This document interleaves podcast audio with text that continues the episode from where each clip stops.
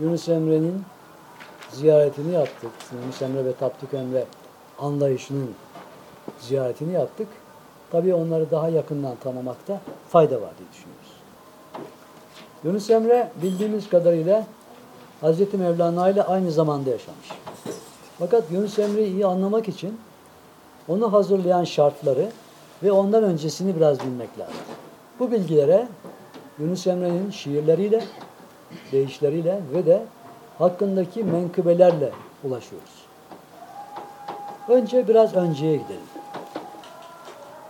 Peygamberler tarihine baktığımız zaman her peygamberde aşağı yukarı bir olağanüstü veya birden fazla olağanüstü hal tecelli ettiğini görürüz. Bildiğimiz kadarıyla birçok peygamber mucizeler gösterdiler ve mucizeler Allah'ın izniyle ve Allah'ın isteğiyle gerçekleşti. Hazreti Peygamber'de de bazı mucizeler oluştu. Bir gün yanına birkaç kişi geliyor, bir mucize istiyorlar. Hazreti Peygamber istemiyor böyle bir şey. Fakat Cenab-ı Allah Hazreti Cebrail Aleyhisselam'ı göndererek bunda bir hikmet vardır. Buna sen kabul et, bunu sen kabul et diye haber veriyor. Bunun üzerine işarete göre işaret parmağını aya doğru uzatıyor. Hareket ettirdiği zaman ay ikiye bölünüyor. Tekrar hareket ettirdiği zaman ay yerine geliyor. Orada bulunanların hepsi bunu görüyorlar. Fakat deniyor ki Hz. Muhammed'in esas mucizesi Kur'an'dır. Gerekçesi şu, Hz. Peygamber'in yaşadığı zamanda Arap ülkelerinde en önemli ikinci konu şiir söyleyebilmek, söz söyleyebilmek. Birincisi emir yani devleti yöneten. İkincisi şairler. Kabe'de bir askı var. Muallat-ı Seba denilen, yedi askı denilen yer. Şairlerin o andaki popülaritesi ve kalitesi oradaki şiirlerden anlaşılıyor. Şair ve güzel söz söyleyenlerin hafızası o kadar kuvvetli ki o hafızaya göre yazı yazmadan birçok şeyi söyleyebiliyorlar ezbere. Ve çocuklar daha çok küçük yaştayken bu dili öğrenmeler için Yemen'e gönderiyorlar. Beni Saat kabilesine. Hazreti Peygamber de gitmiş orada eğitim görmüş. Hazreti Peygamber'in yanında daima vahiy katipleri bulunuyor. Vahiy geldiği zaman hemen onu kayda geçiriyorlar, yazıyorlar. Ama kitap haline gelmesi daha sonra oluyor. İşte bu ayetlerden bazıları bu muallat-ı sebaya asıldığı zaman şairler arasında bir heyecanlanma oluyor. Çünkü onların söyledikleri kaliteyi aşan bir sözle karşılaşıyorlar. Sonra bir gün bir savaş sırasında hesabın karnı acıkıyor. Hazreti Peygamber'e geliyorlar hiç yiyecek bir şey kalmadı diye. O dua ediyor ve Cebrail aleyhisselam cennetten bir tabak hurma getiriyor. O hurmalardan bir tanesi yere düşüyor. Diyor ki Cebrail aleyhisselam bu hurma sizden çok zaman sonra gelecek olan Hoca Ahmet Yesevi'ye aittir. Onun üzerine Hazreti Peygamber bu emaneti Hoca Ahmet Yesevi'yi kim götürecek diye sorduğu zaman Aslan Baba isminde bir zat ben götürürüm diye söyler. Hazreti Peygamber onu Aslan Baba'nın damağına yerleştirir ve 500 sene kadar yaşayan Aslan Baba bugünkü Kazakistan sınırlarındaki Sayram kasabasında doğmuş olan ve 7 yaşında olan Ahmet'e ulaştırır. Ahmet'le karşılaştığı zaman 7 yaşındadır. Ahmet e, Aslan Baba'yı görünce emanetimi getirdin mi diye sorar. Aslan Baba da evet der, hurmayı verir ve onun eğitimiyle meşgul olur. Hoca Ahmet Yesevi hakkında menkıbeler çok. Çok zengin. Ayrı bir seminer konusu. Biz hızlı geçiyoruz. Fakat şu kadarını söyleyeyim. Hoca Ahmet Yesevi'nin eğitiminde eski şaman geleneğiyle ve onun kültür uygulamalarıyla İslamiyet arasında bir meczetme, bir beraberlik oluşturmuş bir büyük insan. Hoca Ahmet Yesevi'yi takip eden bir büyük insan Lokman-ı Perende. Lokman-ı Perende'nin halifelerinden bir büyük insan Hacı Bektaşi Veli. Hacı Bektaşi Veli Anadolu'ya geliyor bir görev sebebiyle Anadolu'yu aydınlatmak için e, Asya erenleri, Horasan erenleri tarafından gönderiliyor ve bir güvercin kılığında buraya yakın, buraya 3 saat mesafede Nevşehir'e geliyor. Uçarak. Şöyle bir söz vardır. Sufizm Arap ülkelerine doğdu. Horasan'da ağaç haline geldi. Anadolu'da meyve verdi derler. Benzer zamanda Hazreti Mevlana geliyor Anadolu'ya. Ahi Evren geliyor. Kırşehir buraya yakın. Ee, Hasan Hüsamettin Uşaki Hazretleri daha sonra geliyor. Emir Sultan geliyor. Pek çok büyük aziz Horasan'dan Anadolu'ya görevli olarak gelmeye başlıyor. Yani meyveler buraya intikal ediyor. İşte Hacı Bektaş Veli Kırşehir'de, Nevşehir'de büyük bir dergah kurup eğitime başlıyor. Bu arada yine Anadolu'da rivayet edildiğine göre Sarıköy'de, Eskişehir Sarıköy'de bir genç var. Adı Yunus. Yunus yaratılışla ve insanın ne ile meşgul olması gerektiği düşünceleriyle meşgul. Bir arkadaşı var değirmenci. Sık sık onun yanına gidiyor su değirmeni. Onunla sohbet ediyor. Arkadaşının adı Hiçten. Diyor ki hiçten geliyor, hiçe gidiyoruz diyor. Hasılı Yunus oradan yavaş yavaş dolabın iniltilerini dinliyor, içteni dinliyor. Bir hayat felsefesi oluşmaya başlıyor zihninde. Bir haber geliyor ki kuraklık var, kıtlık var, su yok, ekin yok. Fakat Nevşehir'de Hacı Bektaş Veli yoksullara buğday dağıtıyor, un dağıtıyor. Babası bu görevi Yunus'a veriyor. Yunus da bir sarı öküzlü araba ayarlayıp Hacı Bektaş Veli, Veli'ye buğday almaya gidiyor. Eli boş gitmemek için de giderken alıç adı verilen meyvelerden toplayıp arabasına dolduruyor. Hacı Bektaş Veli onu verecek alıç isimli bir meyve. Hacı Bektaş Veli'ye vardığı zaman tabi onu huzura çıkarıyorlar ve arz ediyorlar durumunu.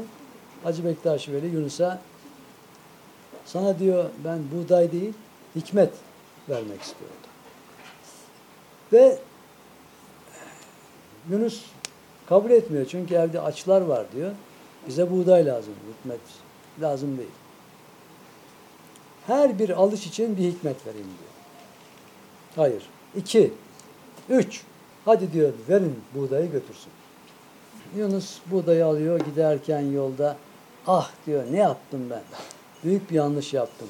Buğday dediğin iki üç günde biter ama hikmet ömür boyu lazım. Hemen geri dönüyor. Hacı Bektaş Veli vakit geçti diyor Yunus diyor. O zaman o zamandı. Şimdi farklı. Onun için senin kilidini Tapduk Emre'ye verdik. Git ondan al diyor. Yunus Tapduk Emre'yi buluyor. 40 sene onun dergahına hizmet ediyor. Sonra bir gün Tapduk Emre Yunus'u sohbet meclisine çağırıyor. Orada Yunus'u Güyendi adında bir başka Yunus daha var. Şair. Tapduk Emre Yunus'u Güyendi'ye şiir ve ilahi okumasını söylüyor ama Yunus'u Güyendi'nin sesi açılmıyor, söyleyemiyor.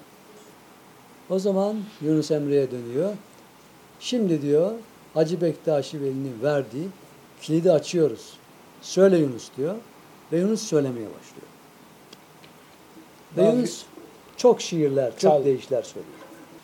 Yunus'tan epey zaman sonra bir adam Yunus'un bu şiirlerini eline geçiriyor.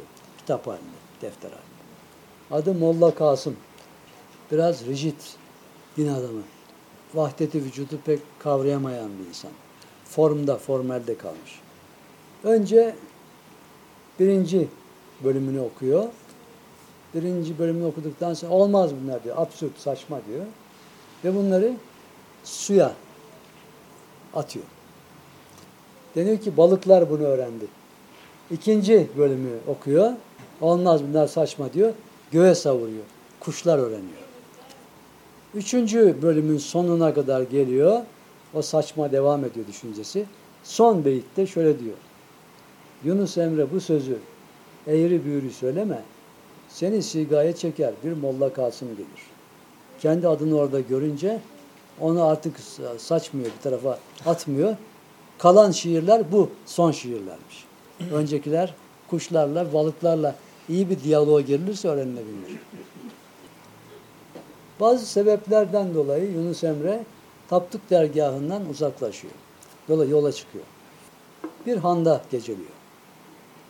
Sabahleyin arkadaş olduğu iki kişiyle beraber yola çıkıp yol almaya başlıyor.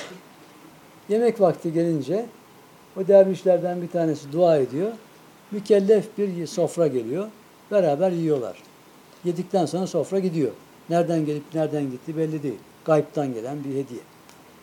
Sonraki yemek zamanında öteki derviş dua ediyor.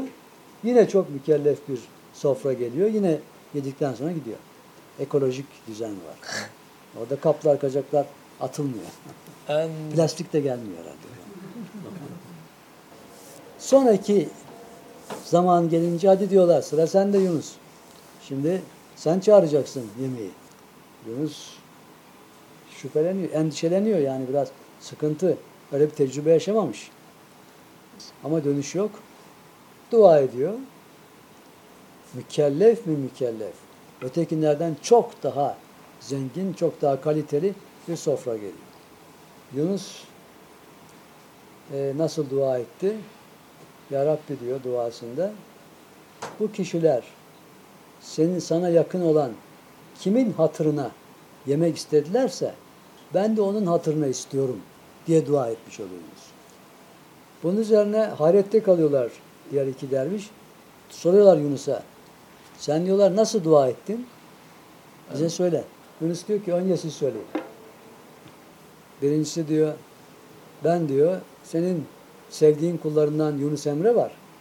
Onun yüzü su hürmetine bu yemeği istedim. İkinci derviş de aynı şekilde. Yunus bunları duyunca hadi eyvallah diyor ben gidiyorum. Orada kendisiyle karşılaşmış oluyor. Ve Yunus'un yolu Konya'ya geliyor. Konya'da Hazreti Mevlana dergahına misafir oluyor. Birçok dervişle beraber zaten e, hiçbir gösterişi olmayan sade bir kişiliği var Yunus'un. Hazreti Mevlana onu seziyor. Yunus olduğunu anlıyor. Yollarını gözlediğimiz derviş de hoş geldin diye ona iltifat ediyor Yunus'a. Ve günlerce sohbet ediyorlar. Hazreti Mevlana Yunus Emre için şunu söylüyor. Hangi manevi kata seviyeye vardımsa o Türkmen kocasını benden önce oraya gelmiş gördüm diyor Mevlana. Yunus Emre de bir şiirinde şöyle söyler. Mevlana Hüdavendigar bize nazar kılalı. Onun görklü nazarı gönlümüzün aynası oldu. Yunus Emre'nin şiirlerinde vahdeti vücut konusu, hoşgörü, naz, niyaz, sevgi konuları çok işlenir. UNESCO tarafından en azından iki defa Yunus Emre yılı ilan edildi dünyada. Onlarca dile tercüme edildi şiirleri. Bizim de sema çalışmalarımızda okuduğumuz ilahilerin büyük çoğunluğu Yunus'un e, şiirlerinden beslenmiştir.